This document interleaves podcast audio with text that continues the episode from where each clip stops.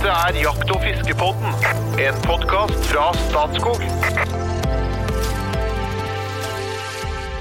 Velkommen tilbake til Jakt- og fiskepodden. En podkast fra Statskog i uvurderlig samarbeid med Norges jeger- og fiskeforbund.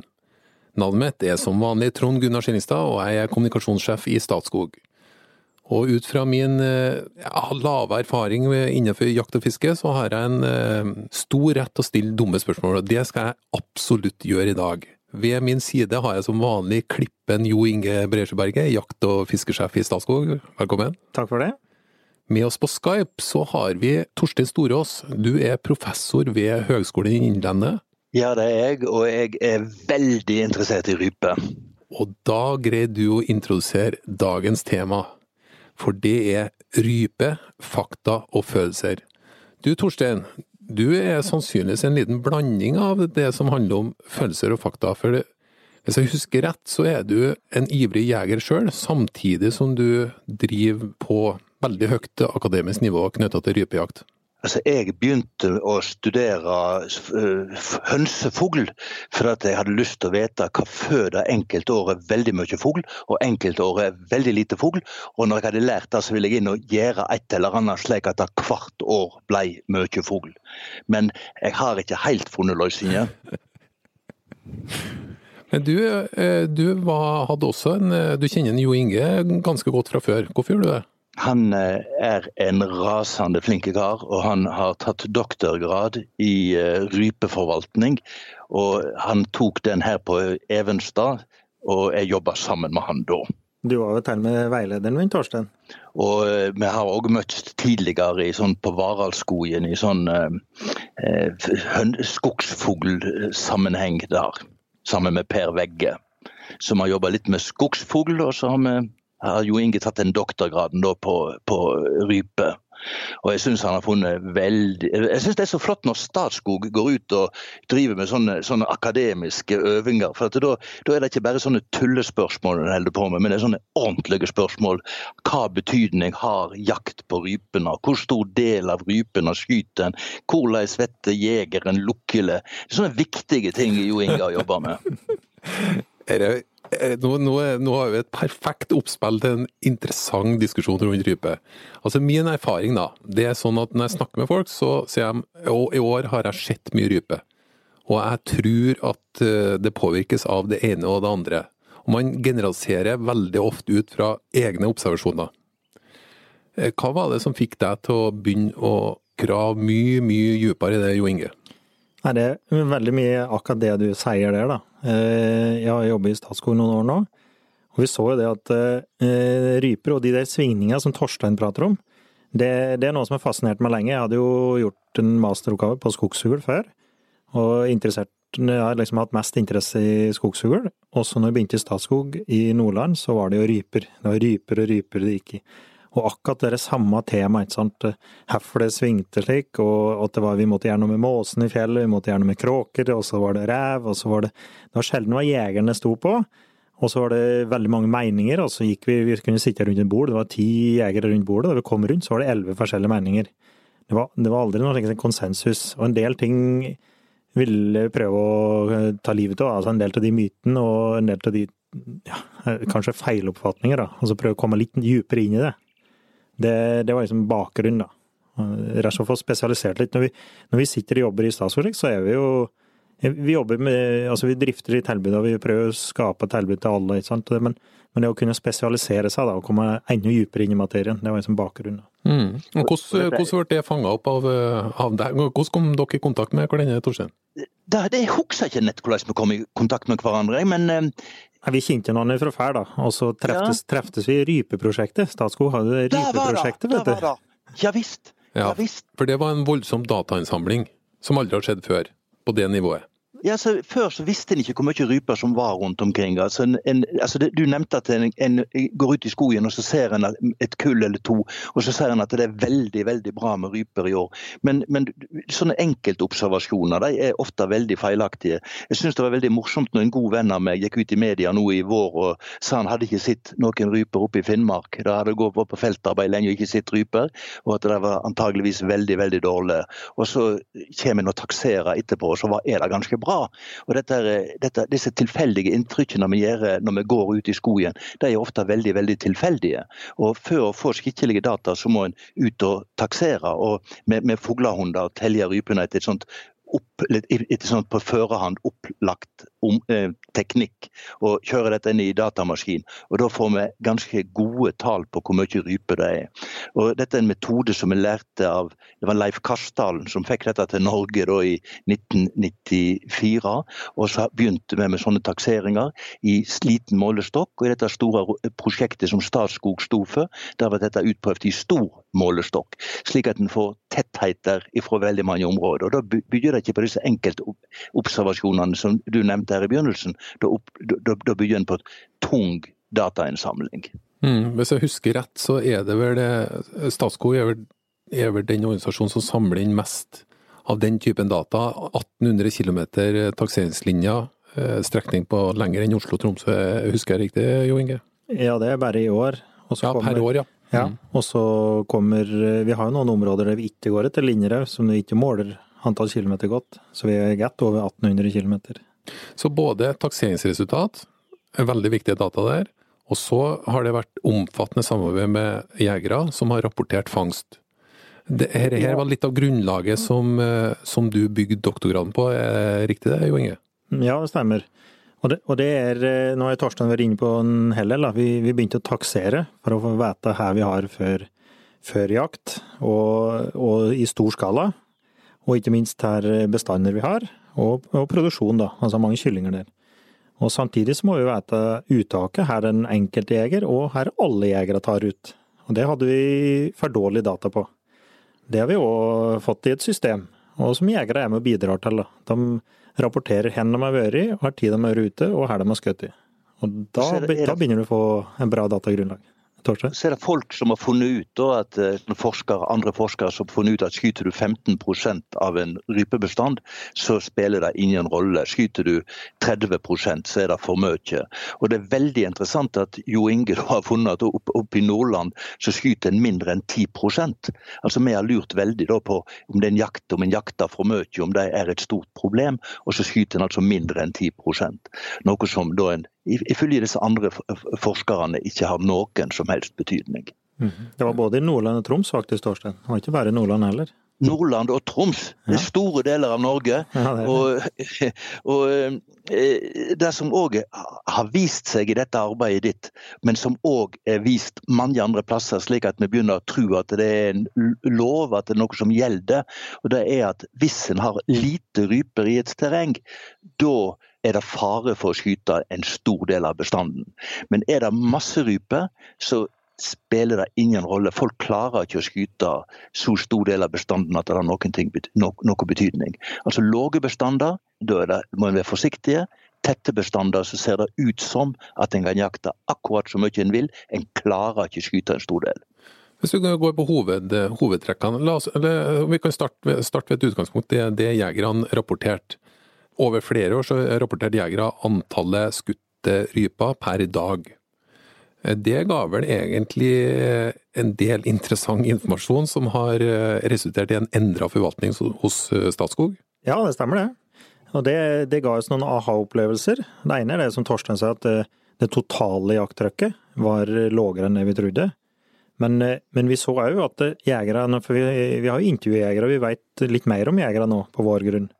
Og de har jaktet lenge. De er erfarne, og jakter, mange jakter på samme sted hvert år. Men de skuter veldig lite. Og det forundres, for det, det her var år som var både gode og, gode og dårlige rypeår. Og vi har flere år vi har ferd mange mange Det er mange tusen, titusenvis av jaktdager som ligger bak det arbeidet. Og vi fant at det i 70, eller ca. to tredjedeler av antall jaktdager, de var uten fangst og litt over halvparten av jegere skjøt ingen ryper på hele sesongen. Og i snitt så hadde de 23 års erfaring. Så den jevne jeger skuter veldig lite ryper. Og det er for så vidt greit når vi skal slippe til mange, da. Mm, så, mm. nei, vi, vi, fant veldig mange interessante ting, men, men det, det forundrer oss litt. At det, det, uttaket på den jevne jeger var veldig lågt.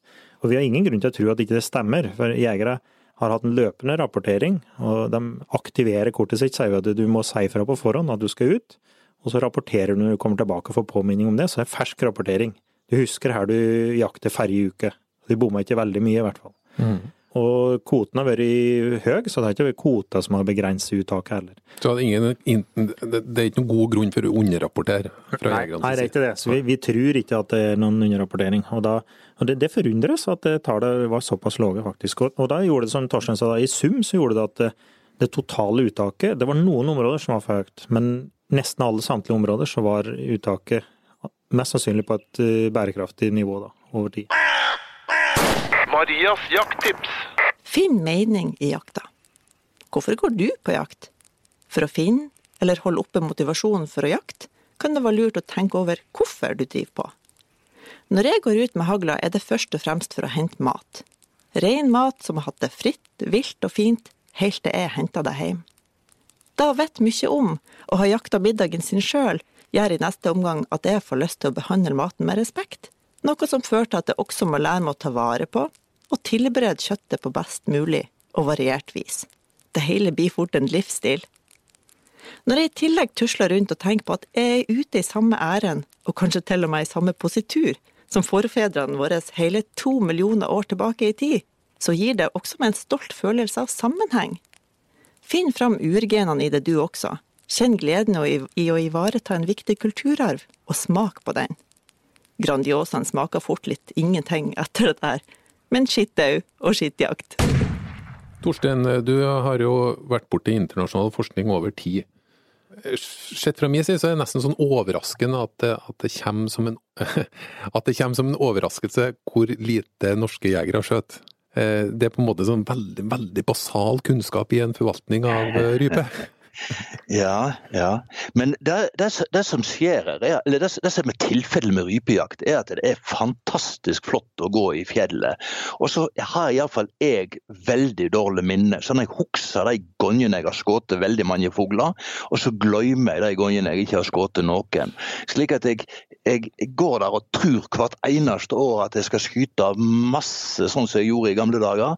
Og så, hvis jeg ikke skyter noen så glemmer jeg det, og så skal jeg tilbake igjen neste år. For at det, det er litt, du vet, Nordmenn spiller på bingo, og det er null sjanse til å vinne. Eller, eller sånn lotto og sånt. Liten sjanse til å vinne, men ut og spille, det må vi gjøre. Og vi husker de der store vinstene som vi har hørt om. eller sånt. Så, så, men, selv dette med, med, med rypejakt det er en fantastisk oppleving, og så håper vi på at vi skal skyte noe. ting. Mm. Men eh, så det en av konklusjonene det er at, det er at veldig, veldig mange jegere er først og fremst ute etter naturopplevelsen og det sosiale, og ikke så mye at eh, man må ha sekken full av rype. Jeg tror at alle har et håp om, iallfall har jeg et håp om å ha full sekk. Men eh, det, oftest er det veldig fint selv om ikke vi får det. For at det er kjekt å være ute i naturen, kjekt å jobbe med hunder, kjekt å være i lag med venner. Jeg tror, Jo. tror jeg jo at det har forandret seg litt. Torstein. Eh, Når jeg, når jeg begynte i Statskog, så var det, det var liksom tidlig det med å ha dagskvoter. Og da i Troms så satt det lenger inne. Og det med dagskvoter da var liksom Vi skulle høste, det skulle være uttak, og helst ikke ha noen begrensninger i uttaket. Og det var kanskje mer i den eldre garde enn den yngre. Og så ser det ut som vi har hatt en litt oppdragende effekt, at ettersom vi har hatt dagskvoter, og de har vært ganske strenge òg en del perioder, så er det mange yngre jegere, så er i hvert fall, nyutdannede jegere, de er ikke så opptatt av å høste og skute mange ryper som det kanskje jeg sjøl var, og kanskje du var òg, Torstein. Eh, og, den eldre garde, da. Men, eh, men jeg tror likevel at folk har, eh, har håp om store slem, men ikke nødvendigvis at, at det slår til, da. Og at det, da, da er det kanskje mer folkehelse og mer opplevelse. Det som du har funnet i dine data, eh, eh, Jo Inge, det er at eh, jegerne er villige til å frede ryper. De er villige til å skyte mindre. Altså De er veldig ansvarlige. Når det da viser seg at det er lurt å frede, lurt å redusere uttaket i de årene når det er lite fugl, så tror jeg at alle jegere respekterer det. Og Det som er så flott med at det takserer, det er at eh, da vet en når det er lite, og da er det eh, virkelig godt, god grunn til å være forsiktig med rypene. Også når bestanden er høy, da, iallfall ut ifra de dataene det har per i dag, så klarer ikke jegerne å skyte bestanden ned, eller skade bestanden. Sånn at, kan, slik at sånne gamledags kjøttjegere òg kan enkelte år få lov til å prøve om de får til å skyte like mye som i gamle dager. Så eh, her ser det da en analyse av tellinga og eh, jakttrykk, jaktpress over flere år. Men sånn tradisjonelt, eh, litt fra sidelinja, så har jeg hørt at når du regulerer her, så kvoteregulerer du.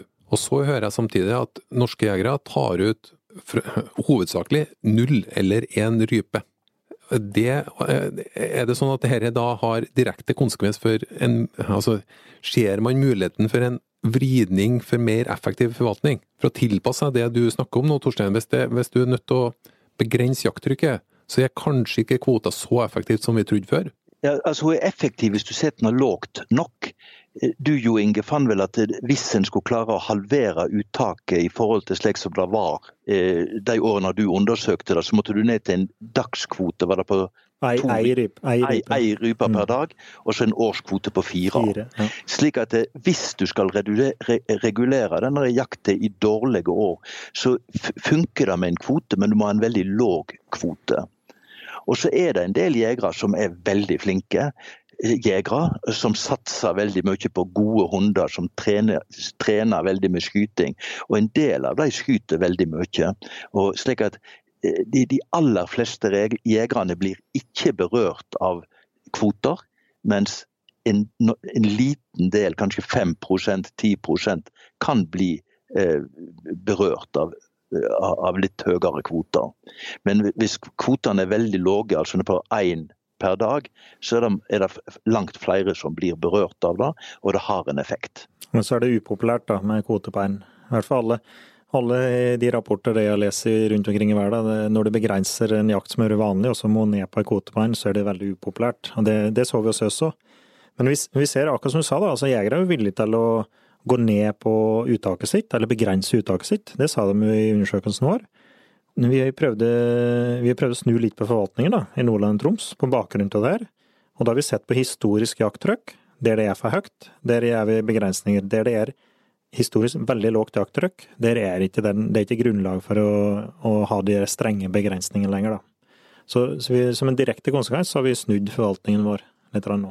Ja, betyr det at man i stedet for å bruke kvote eh, i utpreget grad, så bruker man eh, regulering av antallet jegere som er inne på et område? Er det det ja, det, er for å unngå eh, Så lenge du har i prinsippet fri tilgang til jegere og setter på ei dagskvote, så begrenser du her enkelt jeger tar, men ikke her totalen tar. Og det, Poenget er at du ikke skal ta ut for mye i løpet av sesongen. Og da har vi gått snudd ifra å bruke lave kvoter til at vi begrenser tilgang. Vi ser at det er en veldig sterk sammenheng mellom antall jegere og antall dager som blir jakt i terreng, og uttaket. Det er det andre som har vist òg. Og da er det om å å begrense det. Eh, altså, du må begrense uttaket ved å eh, ha færre dager og færre jegere inni der. Så en del områder så må vi faktisk ha færre jegere. Rett og slett for det er for lite ryper i dag, eller for høyt jakttrykk. Men i de områdene der det ikke er det, der kan du ha det åpent og fritt fram. Og det er typisk områder som er litt lenger å gå, litt lenger unna vei, og litt vanskeligere tilgjengelige områder. Og da slipper det opp, da.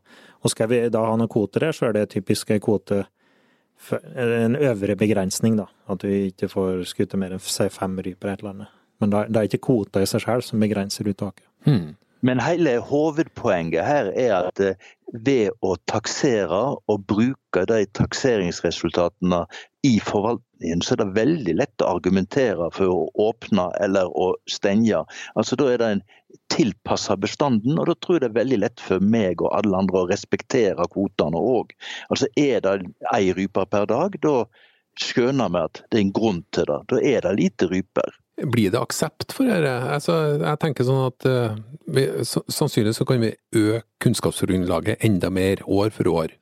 Og så kan man se på analyser og følge med, og så kan man revurdere og finjustere. Men er det forståelse i jegermiljøet for den forvaltninga som Statskog nå har eh, satt i gang? Ja, det er det, skjønner du. Og, og jegere er eh, altså vi, Her tukler vi jo med folks fritid også. Det er veldig mye følelser, og, og det er stort engasjement blant jegere. Det skal en ikke legge skjul på. Og du, ikke, du er jo ikke det her Hvis du har det ønsket om bare å være populær, så er det her feil yrke. Men, men du, du, må jo liksom du må inn og gjøre de grepene som er nødvendig. Og det, eh, vi gjorde det i Nordland og Troms i fjor, da. Og da var det endte opp med noen områder som vi faktisk stengte for jakt. Det har vært historisk høyt jaktpress, og det var veldig liten produksjon. Det var i prinsippet bare stamfugler der. Og da ble vi enige om at det her stenger vi for jakt. det er jo på en måte siste utvei, da. Da har du ikke så mange andre verktøy i kassa. Men eh, av en eller annen grunn, jeg så for meg at jeg kom til å bli ramaskrik, og nå, eh, nå blir det lynsjestemning. Men, eh, men det gikk veldig bra. Jegere var veldig forståelsesfulle, og var helt med på det. Vi hadde jo, vi hadde jo møte med jegere og selvfølgelig, og diskuterte det her, men de var helt med på den, altså. Så, så det, det er inntrykket mitt. Det er, det er noen selvfølgelig som vil være, bruse seg opp litt og være uenige, men den jevne jeger skjønner det her og er med på det her, altså. Det er ingen som vil utrydde rype eller skute en siste rype eller være med å presse bestanden liksom helt ned i kjelleren. Det, det skjønner jegere, altså. Men, men, jeg tror det er en ting som er veldig viktig å få med seg når vi snakker om rype. Det er at ifølge Norsk ornitologisk forening så er det mellom en halv million og én million ryper her, eller rypepar her om våren. De kan leie ti egg hver. Altså om våren så, så, så, så kan de altså produsere mellom fem millioner og ti millioner egg. Vet dere ikke det, Jo Inge? Jo, stemmer det. Mellom fem millioner og ti millioner egg. Og det er, Disse eggene de vet, regnes som individ. altså Vi selv har lov til å ta abort på, på foster, men disse rypeeggene, hvis du tar de rypeeggene, så er det akkurat like ulovlig som å drepe en kylling eller i, i vakserype. De er freda og de regner de som individ. Så det er altså mellom fem og ti millioner individ om våren. Og hvis bestanden skal være stabil til året etterpå, så må mellom fem og ti millioner ryper dø hvert år. Det er mange ryper, og de aller fleste da vet du, drept av rev og av kråker og ravn og andre mens de ligger i egget, eller røysekatt og alle disse som tar de som små kyllinger. Og så er det en liten del som kommer ut til jegerne. Men det som jegerne skyter, er en forsvinnende liten del av alle disse som skal dø. Og det er klart at Hadde en kunnet liksom fått hindre en del av alle disse dødsfallene, så hadde det vært veldig mye fugl om høsten. Men, men det er altså veldig stor omsetning i disse bestandene. Og når det går bra, når kyllingene får leve, når ikke de vet å røve, når det er nok larver, det er varmt og fint om sommeren, så blir det ufattelig stor øke i disse bestandene. Og får du to gode år på rad, så blir det veldig, veldig, veldig bra. Mm. Jeg tror det blir ganske bra i år. Eller hva ser du Jo Inge? Er det litt dårligere oppe i Nordland, men der som her sør så ser det veldig bra ut? Det ser veldig lovende ut, altså. Her, nei, det er faktisk ganske, ser ganske greit ut i Nordland nå. Men vi prøver å si litt, litt, kanskje litt flåsete, men ryper generelt er gode på å dø. Ikke sant, Torstein? De, er, de, altså, de dør i hopetall hvert år. De er så fine fugler og sånt, men de er, de, de vet, det er så mange som skal ete dem. Det er så mange muligheter til å dø at det er fem til ti millioner dør hvert år. Mm. Og vi, de siste åra, da, så har vi tatt i det verste så har vi vært ned på bare altså 150 000 til 250 000 noen sted der de siste åra. Det er en forsvinnende liten andel av de fem til ti millioner du prater om nå, da. Det er klart at Verdien av en rype som en skyter i januar, er mye høyere enn verdien av et egg. altså Det er mye større sjanse for at hun skal overleve fram til våren og leie nye egg, enn det ene egget som vet du, tatt i reiret. Men, men, likevel, det er stor, de, de, de, er veldig gode til å dø, som du sier. Fort! Espens fisketips.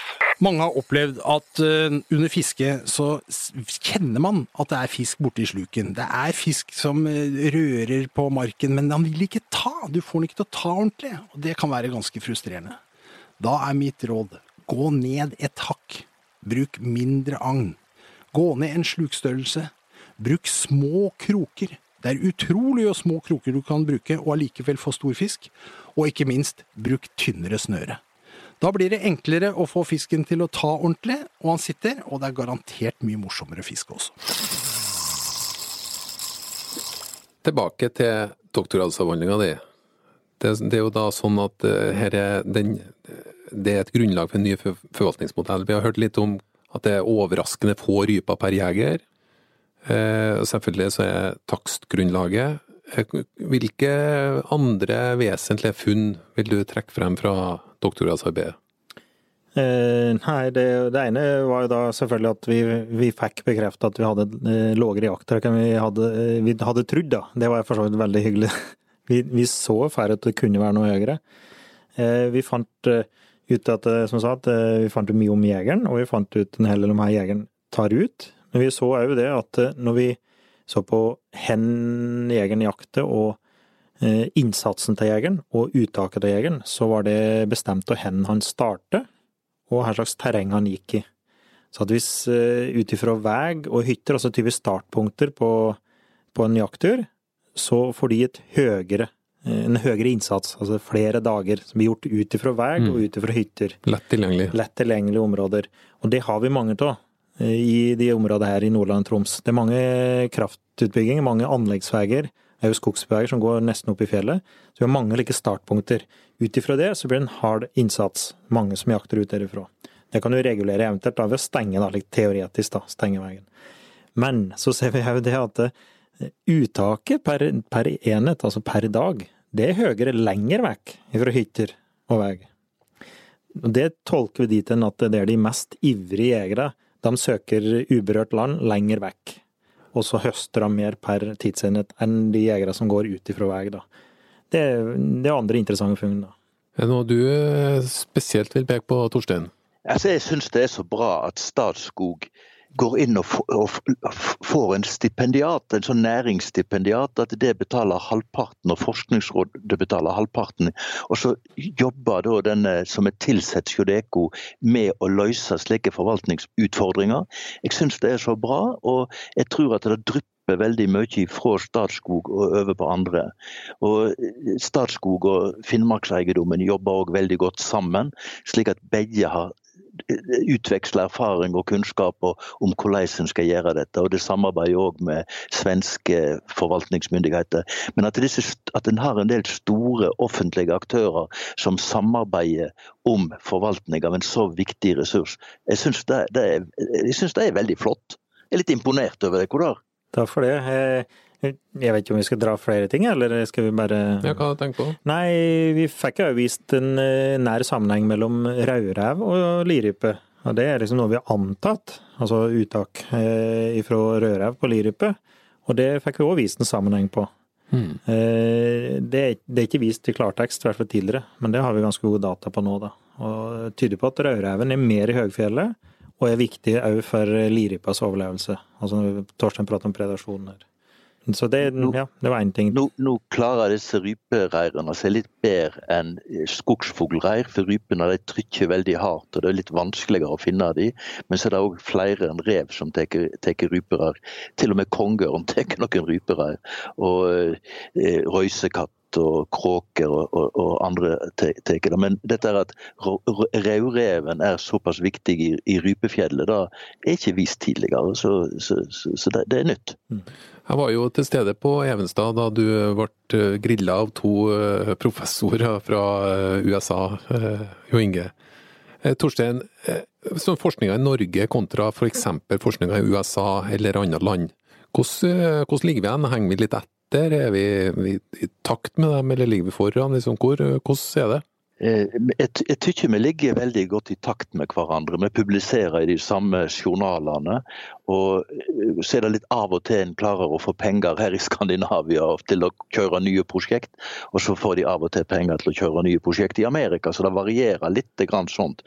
Men vi er i en sånn felles eh, internasjonalt miljø og lærer av hverandre. Du, Og disse opponentene til Jo Inge var veldig fornøyde med Jo Inge sitt eh, arbeid. Mm, mm. Du, du snakka litt om at eh, når du har store, store offentlige landeiere, sånn som Statskog, så kan man bruke, bruke det som et slags sånn eh, laboratorium for å, for å få mer kunnskap. Og nå har jo dette arbeidet har gått sin gang, og, man har, og det, det har jo resultert det er Mye forskning er jo grunnforskning og har av og til litt, liten, eh, litt lite overslag. Dette har jo hatt direkte overslag til forvaltninga i store deler av Norge, faktisk. Hvis du skulle sett fremover, Torstein, Altså Det jeg håper nå er at eh, Jo Inge, som har fått denne vitenskapelige kompetansen nå, legger opp forvaltningen slik at en kan lære hele tida. Altså at han holder fram med å taksere, holder fram med å få rapporter om hvor mange som er skutt. Og så tror vi nå at eh, når du har lite fugl, så har, kan en skyte mye. Når en har eh, mye fugl, så klarer en ikke å tømme, tømme noe terreng eller ha noe betydning i terrenget. Men nå kan han prøve ut dette her. Han kan lage noen små eller har noen jaktterreng der det, der, når det er liten bestand, så kan det være fri jakt i noen områder, så kan det være kvoter i andre. Så kan man etterpå se er det noen forskjell. Har det noen betydning å frede, eller har det ikke betydning å frede? Og Sånne ting kan en teste ut. Har fri jakt betydning, eller begrensning av betydning? Sånne ting kan en prøve ut med ulike tettheter, når en har slike muligheter som Statskog har, og en har slike folk som Jo Inge. Mm. Så ja, du, da, da svarte du på spørsmålet som jeg, som jeg nesten kom med. Hvilke spørsmål kunne jeg tenkt deg svare på? Men det, det du ser for deg, det er at man kan virkelig teste ut i avgrensa områder, teste ut ulike forvaltnings... Det kan en gjøre. Og det er klart det er mange andre typer tiltak en kan gjøre. og Prøve å se, det, det, gjøre sånn eksperiment med hvis du skyter ut alle ryper i et område, hvor fort kommer det nye ryper inn? Altså Det er masse hypoteser og teorier om spredning av ryper. Og Statskog kan teste en del slike eh, hypoteser. Men jeg syns det viktigste her er dette med å lage, lage et eksperimentelt sånt eh, forvaltningssystem, slik at en hele tida kan endre dette her, eh, lære å endre. Jo Inge, helt til slutt. Tror du nå at Statskog har funnet en forvaltningsmodell som gir en bærekraftig forvaltning av rype? Per nå så tror jeg kanskje tror vi har det. Men eh, den kan ikke bli statisk. Vi må, vi må drive Vi må hele tida gå framover. Vi må hele tida prøve andre systemer, prøve nye ting. Og rette oss der vi gjør feil, da. Eller der det må hardere grep til. Så jeg, jeg tror ikke vi har funnet fasiten, det tror jeg ikke. Men vi er i hvert fall godt på vei. Ja, Jeg, jeg tykker det er veldig viktig at hvis fredinger eller kvoter ikke har noe betydning, så må ikke en ha det. Altså En må gjøre det så enkelt som mulig. Så en må vite når er det noe vits i å ha kvoter, og når er det ikke vits i å ha kvoter. Det er det jeg tror du kan finne ut av ved å eksperimentere. da har vi hatt et lite dypdykk i det som sannsynligvis er Norges desidert mest uh, interessante jakt. Altså det som, uh, det som jeg, flest jegere er mest interessert i. Så doktorgraden til Jo Inge, hvor er det mulig å For spesielt interesserte, finner man den på nettet, liksom? Ja, den ligger som nettutgave. Er du veldig Hva spesielt søker man etter, interessert? Eh, Nei, det er Breisjøberget, da. Altså bare søk på navnet mitt, så vil du finne den. Altså, den ligger den, Ja, den ligger som en nettversjon, ja. Ja. Mm. Så da er Google Breisjøberget, og så leter man seg frem til doktorgraden. Ja. Og tittelen var Eh, Det husker jeg ikke farten In i. English. Her var et eller annet om forvaltningen av rødliste ryper på statsgrunn i Norge. Ja. Nei, men tusen hjertelig takk. Takk til deg, Torstein, at du var med fra Evenstad, og takk til Jo Inge. Takk til deg som hører på, og velkommen tilbake til nye jakt- og fiskepodkast fra Statskog.